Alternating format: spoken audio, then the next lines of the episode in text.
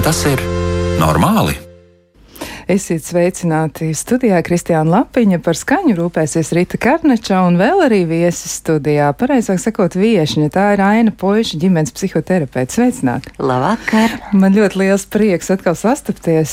Tik jauks mirklis, vasara ir prom, rudens ir klāt. Jā, tāds ražas laiks, kad jāķerās pie nopietnām tēmām, vai ne, Kristiāna? Tā Jā. izklausās. Jā, jā, jā, tieši tā tas arī ir. Un klausītājiem, protams, atgādināsim to pašu, ko vienmēr šis nu ir raidījums par mums pašiem, par mani, par ainu, par jums, par ritu iespējams, ja par visiem tiem cilvēkiem, kur klausās, un arī par tiem, kur neklausās. Un, uh, Aicinām arī jūs iesaistīties raidījuma veidošanā, eh, sūtiet kādu ziņu vai kādu ideju vai arī kādu atklāsmi uz raidījuma elektronisko pasta adresi, vai tas ir normāli Latvijas radio.lv un varat izmantot arī ziņu sūtīšanas iespēju Latvijas radio mājaslapā, atrodot raidījumu, vai tas ir normāli ziņojumu logu.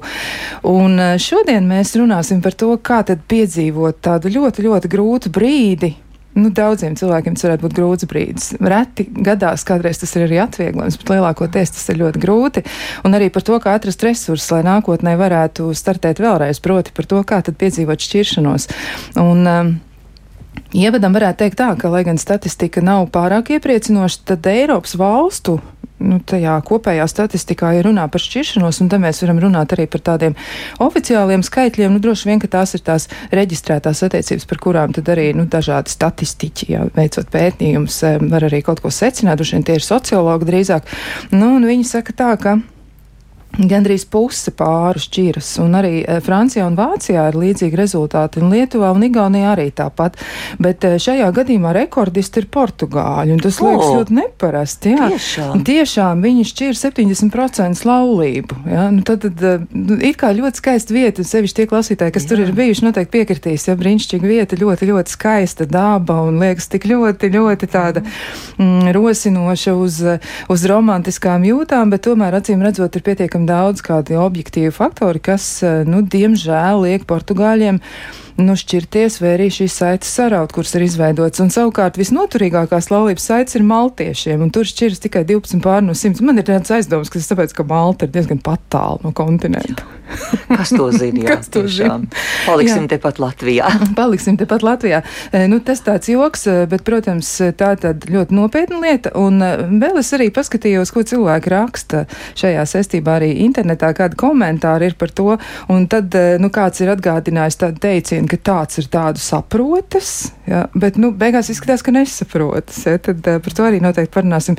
Un vēl viens komentārs, kas e, man likās ļoti tāds iezīmīgs, kas atspoguļo daudz cilvēku viedokli, lai nevajadzētu šķirties un radīt sev liekas problēmas, pavisam vienkārši nevajag satikties. Un tas man liekas skarbi.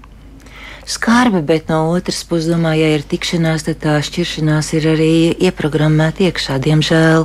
Jo katrai situācijai ir sākums un beigas. Jo var nešķirties juridiski, bet cilvēki vienkārši ļoti attālinās un emocionālā šķiršanās ir notikusi, bet neviens par to nezina, iespējams. Tā kā savā ziņā tas paradoxālais teiciens, ka, nu, labi, labi, mēs varētu tulkot, jā, ka cilvēki reizēm piedzīvo tādu vilšanos, ka viņi vienkārši aizliedz sev mēģināt atkal no jauna, kur ir jauna satikšanās, ar iespēju, ka atkal nekas nesanāks. Nu, mēs nekad nezinām, kā mums tie dzīves ceļi vijās. Bet savā ziņā man liekas, ja cilvēki ir tādi nobrieduši, tad viņi arī saprot arī gan to filozofisko jēgu visai dzīvei, ka ir sākums un beigas, un attiecības jau arī ir vesela dzīve dzīvē, ko mēs tajā piedzīvojam. Vai mēs piedzīvojam to tādu apmierinājums sajūta, gandarījuma, ka mēs spējam pārvarēt arī grūtības. Jo visbiežāk cilvēki tajās pirmajās grūtībās sāk domāt par šķiršanos, bet tās grūtības jau ir tikai tajā pārdinamikā, nu tāda normāla, izaicinoša sajūta, ka mums vairs nav ilūzijas, ka mēs sākam nobriest un ka mums ir jāuzdod tādi nopietnāki jautājumi, nu kā mēs veidojamies kā komanda, teiksim tā, man patīk tāds apzīmējums, ka man liekas pāri attiecības ir arī tāda komandas saspēle, ka mēs ejam uz kopēju mērķi, bet reizēm pāriem nav pat formulēts tas mērķis. Vairāk cilvēki domā par savām individuālām interesēm, jo šis laikmets vispār piedāvā to, ka mēs paliekam ar vien tādu individuālāku un mākam aizstāvēt savas privātās vajadzības, dažādas vai ne emocionālās, garīgās, fiziskās un tam līdzīgi. Un tā sadarbība, nu, viņa sāk tā kā izplēnēt. Un reizēm strādājot ar pāriem, bieži vien jāsāk ar sadarbības atjaunošanu, ja tas ir iespējams, jau var uzpūst gaisu tām attiecībām, vismaz parādās interese par vārdu sadarbību, jo reizēm jau nav pat intereses par to. Mm -hmm. Bet, eh, kā, kā ir? Nu, varbūt tu vari dalīties arī ar savu pieredzi. Nu, kā, tas, kā var saprast, tas sarkanais karoks pēkšņi ir mastā augšā? Nu, ir plīvo pa visu to dzīvi, ir izplaties. Un, eh, kā cilvēki to uztver? Nu, kādas ir tās atšķirības, par ko mēs varam runāt? Un te nevar teikt, kas ir biežāk, kas ir retāk, jo tā laikam ir tā biežākā lieta, arī, ko cilvēki jautāja. Ko tad jūs domājat par to mūsu gadījumu? Nu, nav iespējams pateikt kaut ko konkrētu, ko, ko, ko domā kāds speciālists, jo katrs gadījums Jā. ir savādāks. Bet tomēr, kas varētu varētu būt tie sarkanie karogi, tie, kas plīvo pāri, ko cilvēki atsakās ieraudzīt? Nu, pirmkārt, man liekas, konflikts uh, ir tāda situācija, kad notiek sadursme. Ka katrs cilvēks tajā konfliktā, man liekas, sāk izjust to savu autonomiju. Un, uh, ja mana autonomija kāds apdraud, neievērojot manas robežas, tad parādās dusmas, kas var arī nobiedēt, jo viņas varbūt jau ir krājušās kādu laiku, un tad viņas vienkārši sprākst. Un tās dusmas vēršas parasti uz to otru cilvēku, kas neatbilst manam priekšstatam. Vai tas sāka iedegt tādu sarkano lampiņu, ka varbūt vispār mēs neesam vienojušies, mēs varam vai varam sintēzēt savus priekšstats, kas ir kopdzīve un kā mēs abi uz to skatāmies. No vienas puses konflikts reizēm liekas beigu sākums. Bet es saku, varbūt konflikts ir kaut kā laba sākums, kad izējot tam cauri, sevišķi, ja mēs varētu konfliktēt tā nepazemojot, neaizvainojot un nepārkāpjot kaut kādu sarkano līniju. Tā būtu tāda nevardarbīga komunikācija, kas ir viens no tādiem priekšnoteikumiem, lai vispār mēs saprastu, ka tāda mīlestības praktizēšana tiešām ir komunikācija. Caur komunikāciju mēs varam parādīt, kādi mēs esam cilvēki Bet tā kā tu man uzdod to jautājumu par, kas ir pirmais, pie kā jāapstājas, tad saku, konflikts.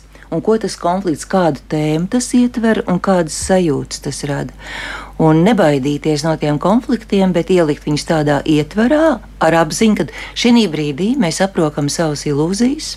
Es sāku pieņemt savu reālo es, un es esmu spiesta skatīties uz tavu reālo es. Jo konfliktos mums nāk reizēm tādi emociju impulsi, ka mēs varbūt atklājam ne to savu labāko daļu, protams, mēs atklājam savas ēnas, un nākošais solis ir ēna ir tā, ko mēs nesam līdz kā mantojumu. Es nedomāju jungēnu, bet nu, savā ziņā tas ir saistīts. To mantojumu no izcelsmes ģimenēm. Kādu uzvedības modeli mēs nes, sevī nesam? Ka mēs reizēm neesam kopā ar otru cilvēku, mēs pat neesam ar viņu satikušies. Kaut gan varbūt ir bijušas brīnišķīgas kārtas, un varbūt ir brīnišķīgs medus mēnesis bijis, bet tā darba fāze, kad sākās, tad man liekas, tā dzīve arī sākās. Kad mēs varētu teikt, tas ir pāris, kas sāk viens otru iepazīt. Nebaidoties atklāt, nu, jā, to ēnu, kur mums ir jāsāk runāt par to, kad es biju domājusi tā, kā bija domājis tu vai mēs varam tā kā mēģināt saprast, ka tas nav ne slikti, ne labi, ne, ne šķībi, ne nepareizi. Tas vienkārši ir kaut kas reāls, kas tagad ir mūsu priekšā, un ko mēs tajā ieguldīsim. Tāds mums ceļš ies uz priekšu, un tie ceļi jau ir dažādi. Tas ir interesanti. Es nākotu pa domu laukumu, es domāju, mierīgi nāk, paskatīšos, vai te vēl ir kādi cilvēki. Viens pārīts sēž pie domu baznīcas soliņa. Es domāju, ah, tas ir viņu attiecību pavasars. Mīlīgi apkampušies, skatās viens otram acīs. Oh, pilnīgi tāds aizkustinājums ir, bet domā, oh, Viņi laikam pagaidām ir tajās attiecībās, kas ir vieglas, kas lēnām iet uz dziļumu, bet tas vēl ļoti tālu no realitātes. Tad es paiet kaut kādus desmit metrus, iet tāds vecs kungs ar kundzīti, sirmas galvas abiem, sadūšies rokās, iet tā mierīgi, vēro, kā tas viss notiek, un viņos tu jūt tādu mieru, ka liekas, tur tā dzīves pieredze ir. Kas to zina? Kādi? Viņiem var būt bijuši 55 konflikti, un varbūt viņi ir domājuši, ka jau mantas ir sadalīts un viņi jau ir šķīrušies, bet iespējams, ka viņi ir atraduši to savu kopējo ideju, kā vārdā viņi ir eh, veidojuši to savu kopdzīvi.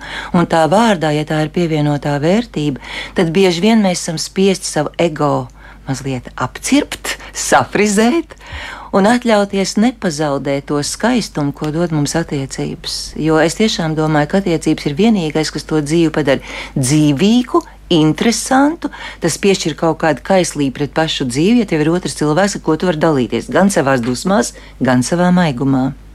Jā, tā dalīšanās tā ir tāda ļoti jauka lieta, bet eh, tāpat laikā, tajā brīdī, kad cilvēki veido attiecības, viņi jau neko nezina. Nu, tas ir tā kā satiekas divi visumi, divi universi, nezinu, nu, kaut kas vēl lielāks. Ja? Mm. Jo katra cilvēka tā pieredze, vai arī, nu, kā tu minēji, izcelsmes ģimenes pieredze, tas, tas attiecību modelis, ko viņš tur ir novērojis, un arī viņa paša secinājumi par sevi, tas ir tik ļoti, ļoti atšķirīgi no tā otra, ka būtu naivi cerēt, ka tas viss būs tik vienkārši. Nu jā, jo es domāju, vārds atbildība. Tas ir varbūt daudziem jau krīt uz nerviem, jo to mēs bieži lietojam, parasti runājot par tādiem attiecību aspektiem, ka atbildība ir tas, ka tev jāmācās uzņemties ir tiešām pašam izpratni par savu es, kas nozīmē nedzīvot noliegumā, jeb kaut kādos ideālā es priekšstatos par sevi nu, paskatīties arī uz to, kas tev pašam nepatīk. Tas, ko mēs runājam, bieži vien mēs dzīvojam noliekumā, jo mums tā ir tā ērtāk uzturēt kaut kādu patiesību, kas mums ir pazīstama par sevi, kas ir apgūta līdz nopietnām attiecībām.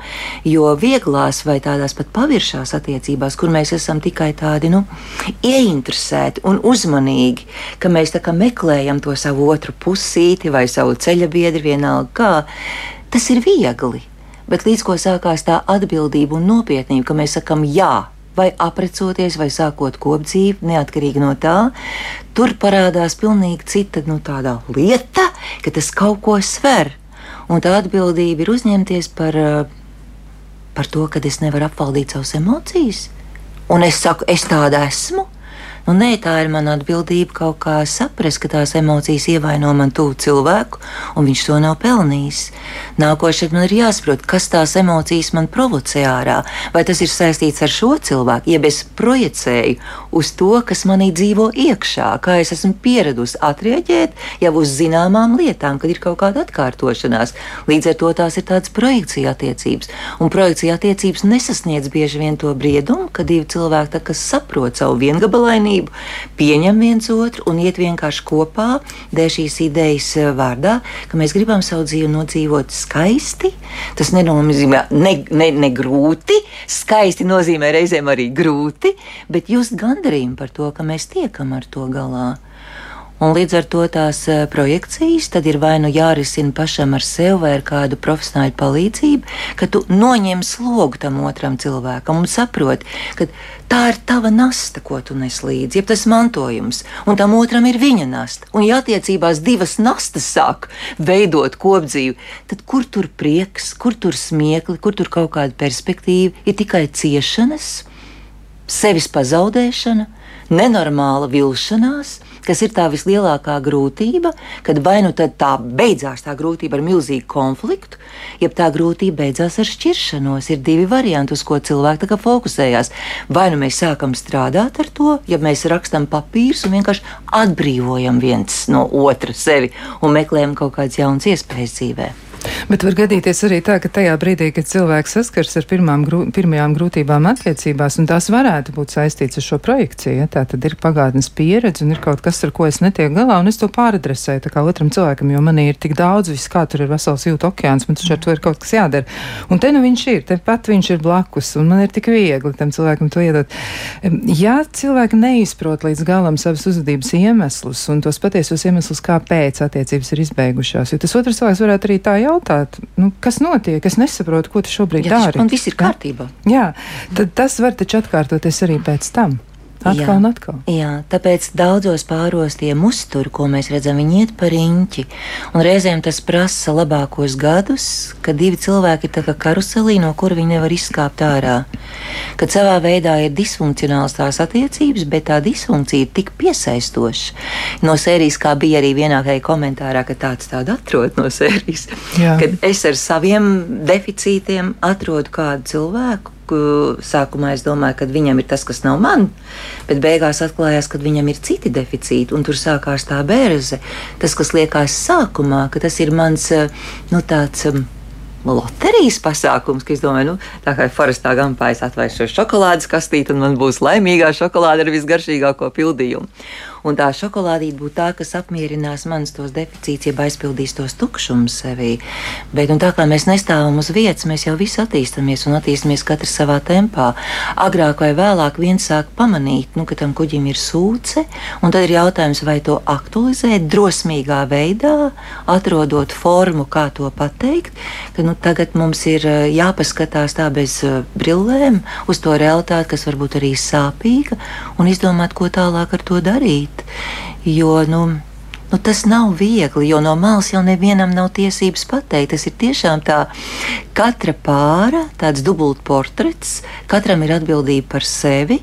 Jā, tas ir es un tu, bet tad, ja viņi veido mēs, tad viņam ir jārada tā kopējā atbildība par to risinājumu. Vai nu mēs strādāsim uz tām grūtībām, kur vienmēr var atrast kaut kā pārfrazēt to, uz ko cilvēki ir ieciklojušies, izzakt viņus no tā karuseļa ārā un paskatīties, ļaut viņiem paskatīties no malas, atceroties to, piemēram, ir labs jautājums. Uh, nu tad, kad pāris atnāk, es bieži vien viņiem jautāju, kas tev viņā patika, kad nu, tu viņu ieraudzīji, ka tu viņu iepazini, kas bija tas, kas uzrunāja, kur bija tas magnētisms. Viņš saka, nu, viņa bija tāda nu, aktīva, enerģiska, nu, tāda dzīvīga. Tas bija tieši tas, kas man pietrūka. Es saku, ko tas nozīmē tev tagad? Tagad tas nozīmē, ka viņa ir ļoti prasīga. Jo aktīvs cilvēks ir tas, kas arī aktualizē, kas uzņemas iniciatīvu, vai ne? Un tas rada zināmu spiedienu. Tā enerģija un tas dzīvīgums, to es ņēmu šito daļu, bet to otru daļu, kur parādās arī tāds prasīgums, kad gribās tā, ka iet no kvantitatīvām attiecībām uz tādām kvalitatīvākām, vai ne? Saprotams, ka tas uzreiz pušo no to otru cilvēku. Kāpēc tā? Es gribu atpakaļ to meiteni, kas bija tikai enerģiska un dzīvīga un nebija nemaz prasīga. Un līdz ar to tur var sākties tā bērze, ka tas cilvēks, kas ir aktualizējis, viņš var ļoti ātri aplausties, viņam var ātri uznākt tāds emocionāls nogurums, kad ja viņu necird un nerespektē, kad tur vēl ir iespējams kaut ko glābt, kamēr nenolaiž galīgi. Ja? Un Jā. tas otrs, ja paliek tāds sabotējošs vai ignorējošs, tas ieliek tādu depresīvu noskaņu tajās attiecībās, un tad sākās tā atsvešināšanās, kas pat izslēdz konfliktus. Konflikts vēl ir dzīvīgums, bet ja parādās atsvešināšanās, kas lēnām iet uz vienaldzību, jeb situācijas pieņemšanu, kur finišā ir labāk mums nebūt kopā, tas arī varētu būt risinājums. Jā, bet eh, vēl runājot par šo te, mm, par konfliktu, arī klausītājiem ir jautājums. Pirmkārt, viņi sūta sveicienus un saka paldies par interesantu sarunu, bet eh, jautājums ir, kā pārvarēt konfliktu, ja tāds ir bijis, ar ko sākt un kā sākt, un varbūt nevajag. Kā to sajust, jo dažos gadījumos iespējams arī nevajag. Jā. Varbūt, lai ir kā ir, jo cilvēkiem ir ļoti grūti pieņemt arī domu, ka reizēm risinājums ir aiziet katram uz savu pusi. Tā doma liekas nepanesama, viņa liekas neizturama. Un tad tā ķeršanās kaut kam klāt ir ļoti, ļoti nu, glābjoša. Cilvēki ļoti tam pieķers. Ja? Un kā tad ir ar to konfliktu? Jo, ja ir trausla tā izjūta un liekas, nu es tagad kaut ko pateikšu, viss beigsies. Ja, tad kā tad ir ar to konfliktu? Kā ar to apieties? Nu, tas ir tas karstais kartupelis, ja? vai tas karstais katliņš. Ko ar to darīt? Nu, visprātīgākie būtu, ka konflikts mēs nerisinām uz emociju bāzes, bet ka mēs esam drusku nomierinājušies un esam salikuši galvā formulējumu.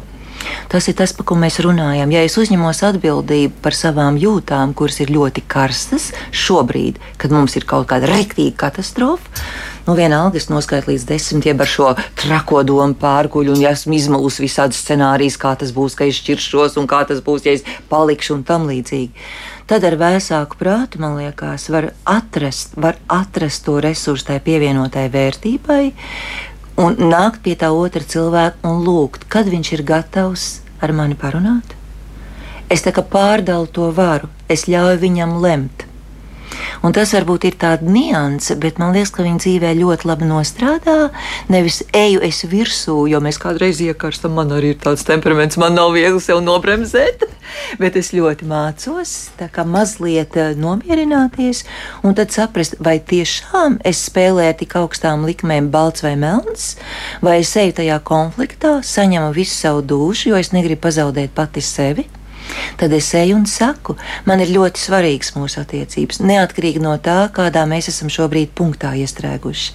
Man ir sajūta, ka es reaģēju, tāpēc, ka tas ir mans vājais punkts, jo tā ir mana vēsturiskā stāsta daļa, līdz ko uz mani kāds runā agresīvā balsī, es vai nu sastingstu, vai gribu bēgt, vai cīnīties. Tas ir tas, ko visi māk. Tāpēc es tev saku, ja, piemēram, tu esi mans partneris, tagad mēs izspēlējam mazliet, tad es saku, es apzinos, ka tā ir mana vājā vieta, es tur esmu ievainojama. Tāpēc es reaģēju tā, kā es reaģēju, bet es uzņemos, kad es turpmāk mēģināšu sevi apvaldīt, iespēju robežās, bet es cienu tevi un es uzticos, lai tu zini arī mans ievainojums. Tas ir smags pārbaudījums mūsu attiecībām, jo mēs visi esam ar ievainojumiem. Jautājums, cik mēs atklāti par to spējam runāt. To var pateikt īsāk. Es vienkārši tagad izplūdu, lai tā, paskaidrotu to, ko tas nozīmē uzņemties to sevis apvaldīšanas lomu, lai tu vispār ej uz konfliktu. Un tad ir lielāks garantijas, ka tur varētu būt nevardarbīga komunikācija, būt tā konflikta analīze, kad es varu pateikt par savām jūtām, ka tas man aizskar vai liek sastingt, vai tas mani pazemo, un es uz to reaģēju vienkārši dramatiskāk nekā kāds pilnīgi vesels cilvēks, kuram varbūt ir citas vājās vietas, bet mana ir tā, un es gribu, lai tu to zini. Un mans priekšlikums ir, es jutīšos mīlēt, ja tu to atcerēsies nākošajā reizē, un runāsi ar mani maigākā balsī. Nu, piemēram, maza improvizācija par tēmu. Jā, tā var būt. Tieši tā. Jo, ja cilvēks ir dzirdējis, kā vecāki strīdas un kliedz viens uz otru, viņš var domāt, ka nu, tas beidzas ar to tēvu aizcēr durvis un aiziet prom no mājām, un šis notiek arī Jā. ar mani. Ja? Tad patiešām tas viss tā ļoti Jā. saslēdzas. Jā, nu arī klausītājiem ir jautājumi. Piemēram, viens no klausītājiem jautā, Un te mēs varēsim arī padiskutēt par to, vai tiešām tas tā ir. Kāpēc vairums attiecību izbeigšanai iniciators ir tieši sievietes? Nu, te mēs varētu diskutēt par to, kāda ir tā statistika. Mums nav īsti, manuprāt, tādas drošas atbildes, eh, vai tās ir sievietes. Liekas, ka abi dzimumi eh, tomēr aktīvi mēģina meklēt izēju vai arī dara kaut ko ar attiecībām, bet nu, par to mēs varam diskutēt varbūt arī citā mm. griezumā, kas tieši ir sievietēm vairāk, varbūt no novērojumiem raksturīgs un vīriešiem, ko viņi min varbūt par tādu. Nu, kā iemeslu, kāpēc. Ja?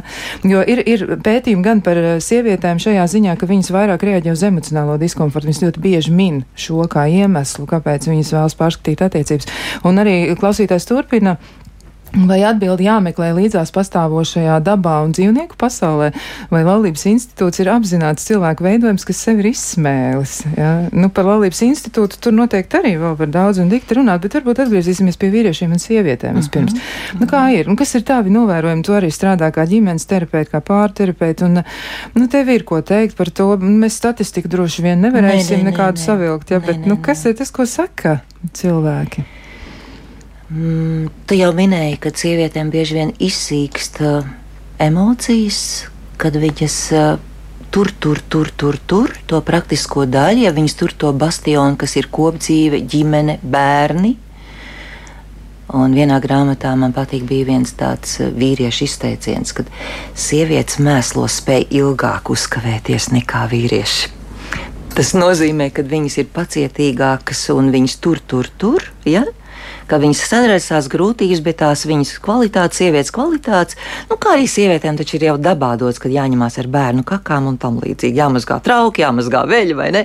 Tas viss ir tā, ka jā, mums ir uz to lielāka spēja, ka vīrieši ātrāk iet no tā prom. Bet redz, tā atšķirība ir tāda, ka ja sievietes jūtās tik ļoti aizskartas no sērijas, kā tu vari mums to nodarīt, ka tu esi neklātesošs, ka tu esi augsts, ka tu esi paštaisns, ka tu esi emocionāli vardarbīgs. Tu nodari mums, nevis tikai man, jo viss tā atmosfēra paliek toksiska. Un tad, ja sievietē ir bērni, tad bieži vien bērni palīdz viņai pieņemt šo lēmumu. Sevišķi, ja viņi ir izglītoti, viņi daudz lasa, interesējas un saprot, bērniem nav jāpiedzīvo tāds scenārijs, jo tas nedarīs viņus laimīgus viņu personiskajās dzīvēs. Tad viņi saka, viss, šis ir pēdējais piliens, es esmu pietiekami spējīgi pieņemt lēmumu, palikt vīrišķīgāk, es negribu būt cietēji, un es eju un rīkojos. Vīrietis reizēm domā, ah, nu kas tās emocijas? Tas taču ir kustīgs kaut kas tāds tā kā ūdens. Te viņš sasalst, te viņš atsalst. Nu, pāries, jo nekas dramatisks nenotiek. Izņemot, ja sieva ir nu, tādā pretējā īpašība kopumā, kad sieva ir ļoti augsta, neiejūtīga, pazaudējusi kaut kādu savu vēlmi vispār tajā ieguldīties. Sievietes arī ir vardarbīgas savās attiecībās, kas arī ļoti labi māk pazemot vīriešu un izturēties pret viņiem kā pret pēdējiem mēsliem, diemžēl. tā tas ir. Tā kā mums abiem ir savas tādas, nu, ne, ne, ne tās labākās lietas, bet vīrietis saka, es varu aiziet ātrāk, ja man aizskar personīgi. Sieviete, ja man aizskar visu to kopumu, kas ir aiz manis. Ja tu kā vīrietis izdarīsi kaut kādu sāncoli, piemēram, tad es uzskatīšu, ka tu izdari visai mūsu tai sistēmai pāri darījumu. Ja es kaut ko izdarīšu tādu, tu uzskatīsi kā vīrietis, ka es tev personīgi nodara tikai pāri. Un ir, man liekas, starpība tajā proporcijā, vai ne? Ka smaguma centrs tad ir sievietes pusē. Tā tad, ja viņa līdz tam ir nonākusi, tā tad ir bijis vesels process, kad viņa to ir pieņēmusi to lēmumu. Vīrietis reizēm pieņem ātrāk, sautīgi interešu vārdā un aiziet. Vai domā, es taču varu dzīvot arī dubulto dzīvi? Kāda vaina? Es turu savus pienākumus un atbildību ģimenei bet uh, savas vajadzības es apmierinu tur, kur es satieku citu sievieti, kas neatļaujās tā pret mani izturēties kā mana dzīves partneri, piemēram. Jā, tā tad sadala tās lietas. Nu, redz, kā interesanti cilvēki mēģina arī atrast dažādas risinājumus, kas beig beigās tomēr bieži vien arī noved līdz tam rezultātam, ko mēs te šodien arī, nu, tik daudz apspriežam. Mums ir diezgan daudz jautājumu, bet par tiem visiem mēs turpināsim sarunu pēc ļoti, ļoti īsa brīža.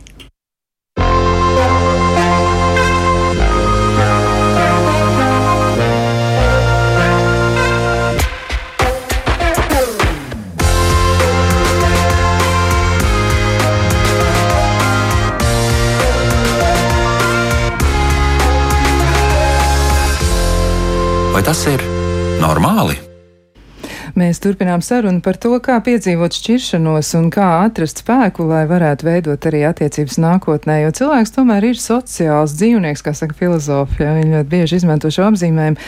Un, um, jā, par to noteikti nav viegli spriest, bet uh, arī pie viena, izmantojot to, ka mēs tā pārlecam no vienas sarunas fāzes uz otru, atgādināšu arī par jūsu klausītāju iespējām paskatīties vēl arī citām acīm uz citiem tematiem, un to jūs noteikti varat izdarīt, izmantojot Latvijas radio arhīvu sameklējiet raidījumus, kas jūs interesē zem nosaukuma, vai tas ir normāli, un tad jau varat atrast daudz ko par to, vai, piemēram, darba intervijā var uzdot jautājumu, ko jūs darītu, ja jūs būtu krupis, vai arī, e, ko darīt tajā gadījumā, ja jūs novērojat, ka jūsu pusaudzim vai jūsu partnerim vai partnerē ir tādi ļoti dīvaini ēšanas ieradumi, ko tad tas varētu nozīmēt? Ļoti daudz dažādu tematu, izmantojiet iespēju un arī mēģiniet iesaistīties. Un arī šovakar noteikti jūs to varat darīt. Mums ir tiešām jau diezgan daudz jautājumu par to, kas kas tad īsti ir darāms šķiršanās situācijā.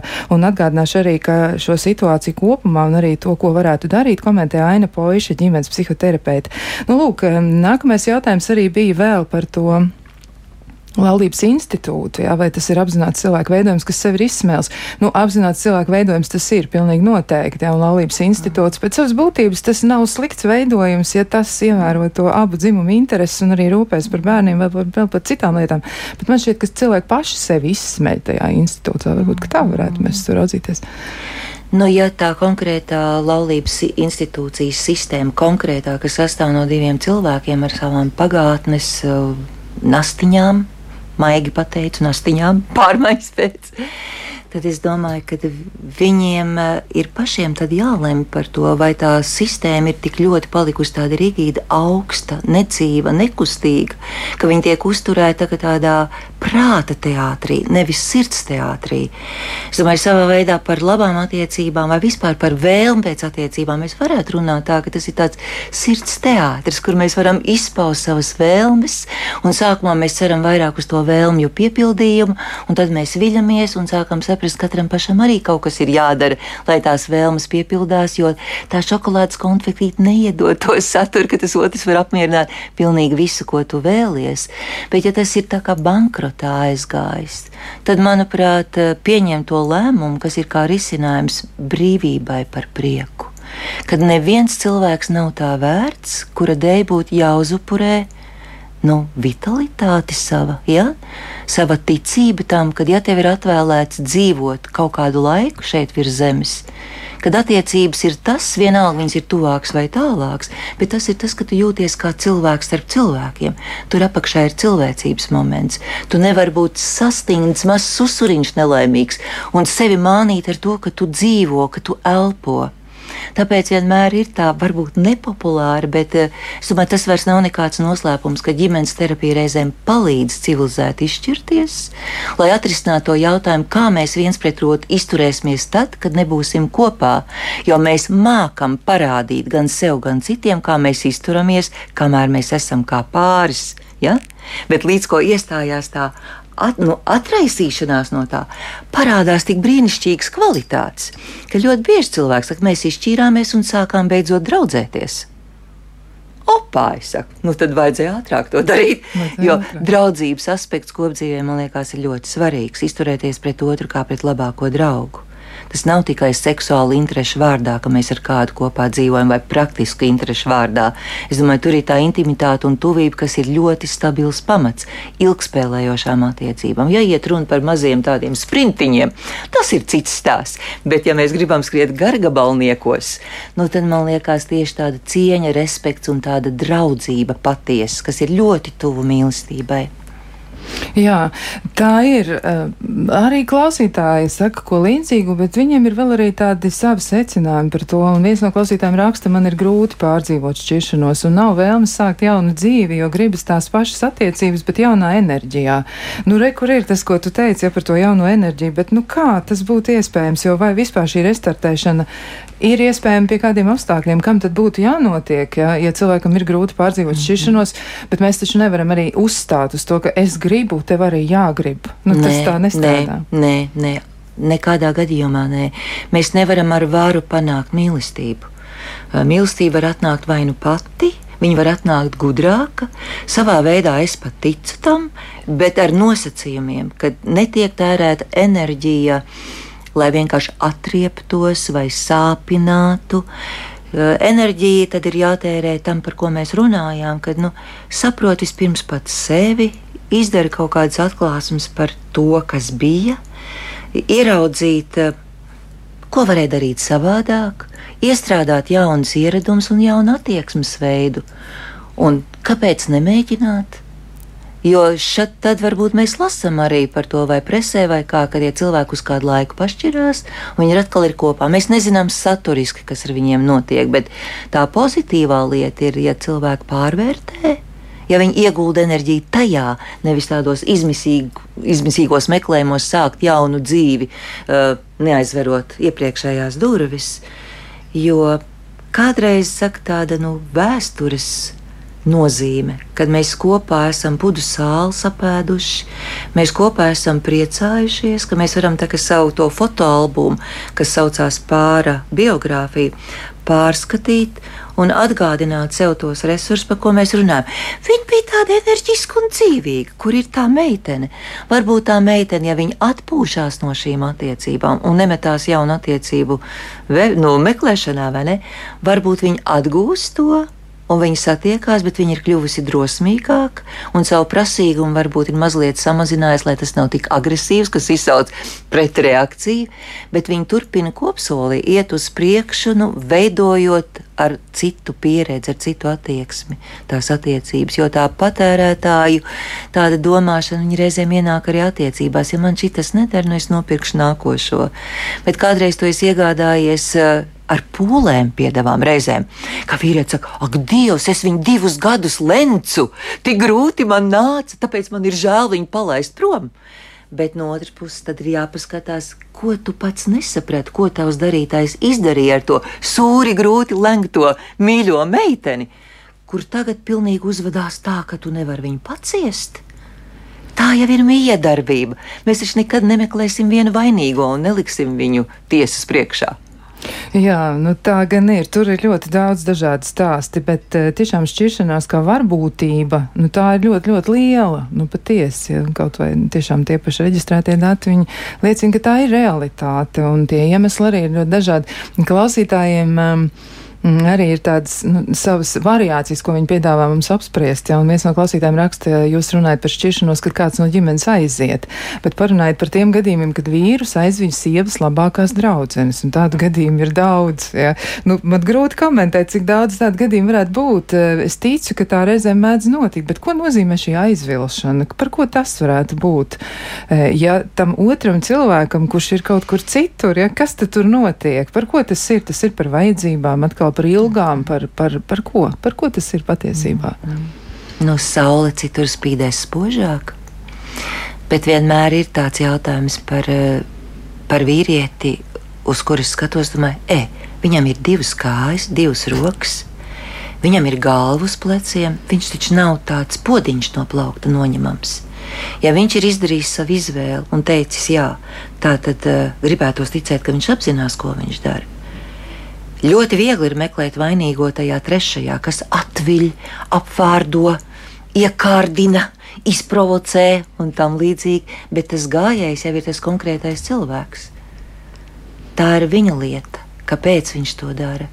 Ja viņam ir neapmierināts dzīves alkas, ja viņš nav izteikti monogāms, tagad ir ļoti modē runāt par tādu polamoriju Tas ir jauns jēdziens, tu esi dzirdējusi? Tā? Jā, es esmu dzirdējis, ir arī svētdienas laulības, kas tiek atzītas par tādām labākām un izdevīgākām, ja, un man arī ir nācies jā. ar to eh, saskarties, diskutēt ar cilvēkiem par to, kāda ir viņu dzīve tajā jā. brīdī. Jā.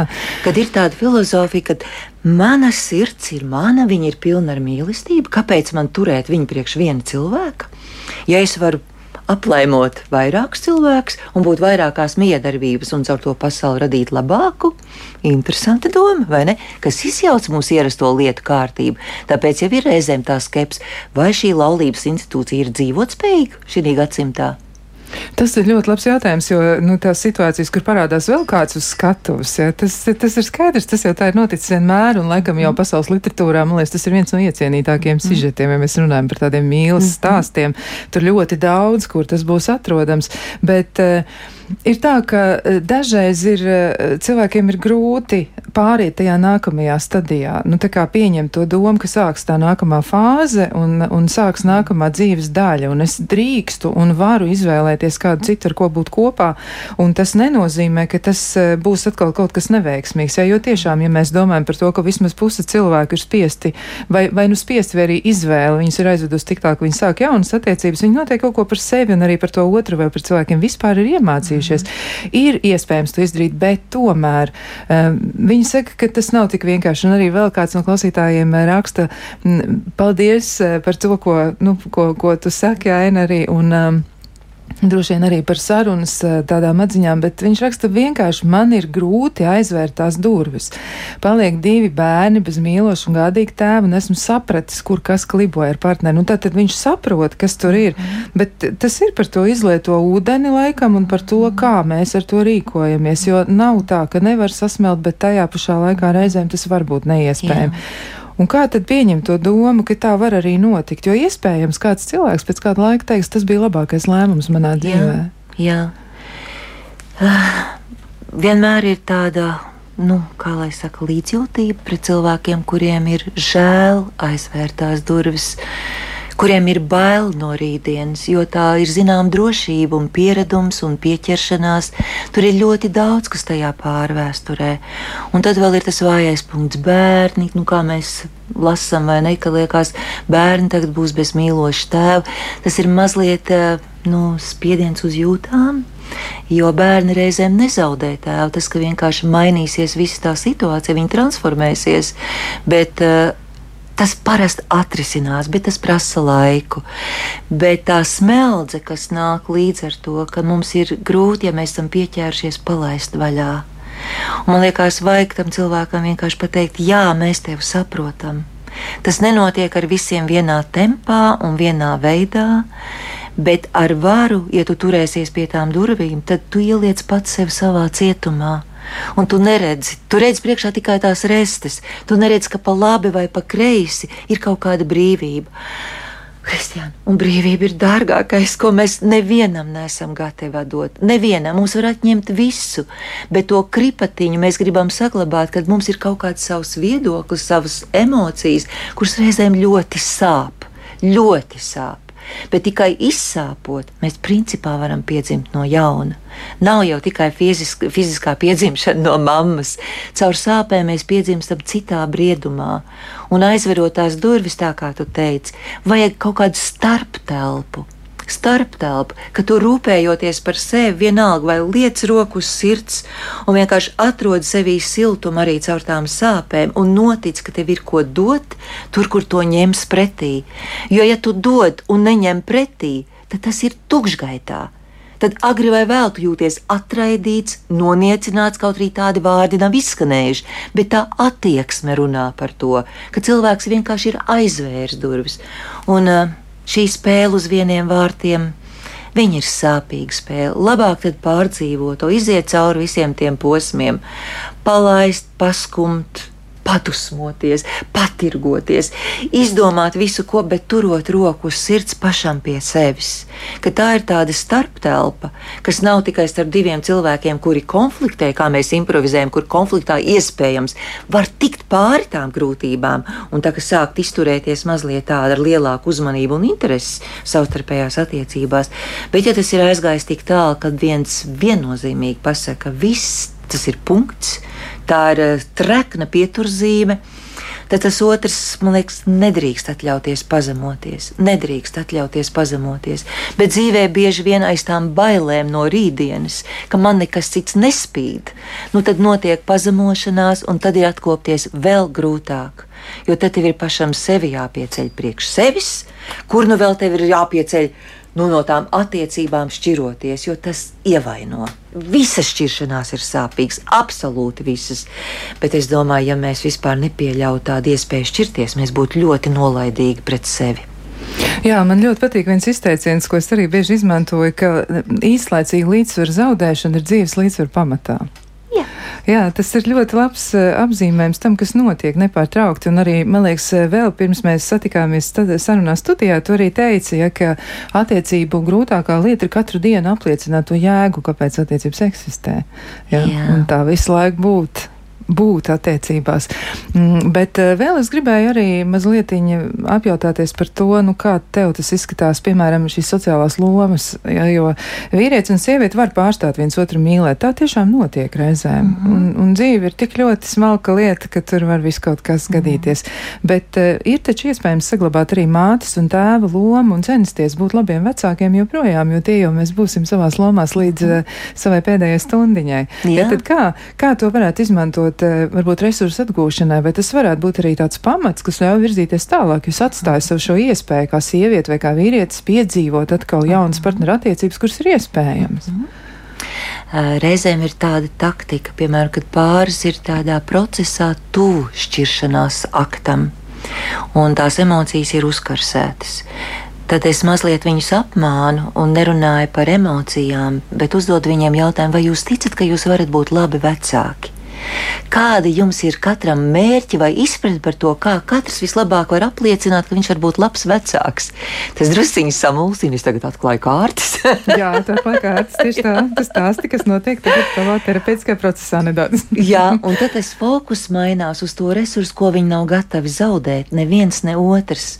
Un līdz ar to mēs pārējām tādā domāšanas kategorijā, ka mēs vieglāk tiekam klāt tam, ko mums neviens neatņem. Un tad mēs no šī mērķu kopsaucēji, un parasti arī tik brīnišķīgi, ka viņi saraksta un viens otram rāda un vēl saskaņo, sāk notikt vienošanās un viens otram iedod akceptu, pieņemot to labo gribu, jo neviens jau, kā mēs zinām, nevar izkontrolēt no malas. Tā ir tikai cilvēks apņemās, es piepildīšu savu mērķi, būt laba mamma un būt labs tētis, vai ne? Un liekam kopā, Un te ir kaut kas, kas mazina bailes no šķiršanās. Jo šķiroties, liekas, ka mēs zaudēsim arī daļu no sava labā tēta vai labās mammas lomas, un tā mēdz arī būt, ka bērni reizēm dusmojās uz mammu. Kaut arī viņa paliek ar mammu dzīvot, jo mamma ir tuvāk un viņai ir vieglāk uzņemt tās bērnu dusmas par izjukušo ģimeni. Ja? Reizēm ir otrādi. Reizēm viņi redz, ka mamma ir nelaimīga, un tad viņi dusmojās uz tēti, kurš it kā ir vainīgais. Bet atgriežoties pie šī risinājuma, man liekas, vecāku lomas stiprināšana palīdz pāriet pēc tam pie pāra attiecībām, kā es teicu, jautājums, kā mēs viens pret otru izturēsimies kā cilvēki. Kā cilvēki kas ir bijuši kopā ilgāk vai īsāku laiku, kas ir visu piedzīvojuši, un to neviens nevar atņemt. Tas ir kaut kas, kas ir mana dzīves daļa, tava dzīves daļa un mūsu kopējā dzīves daļa.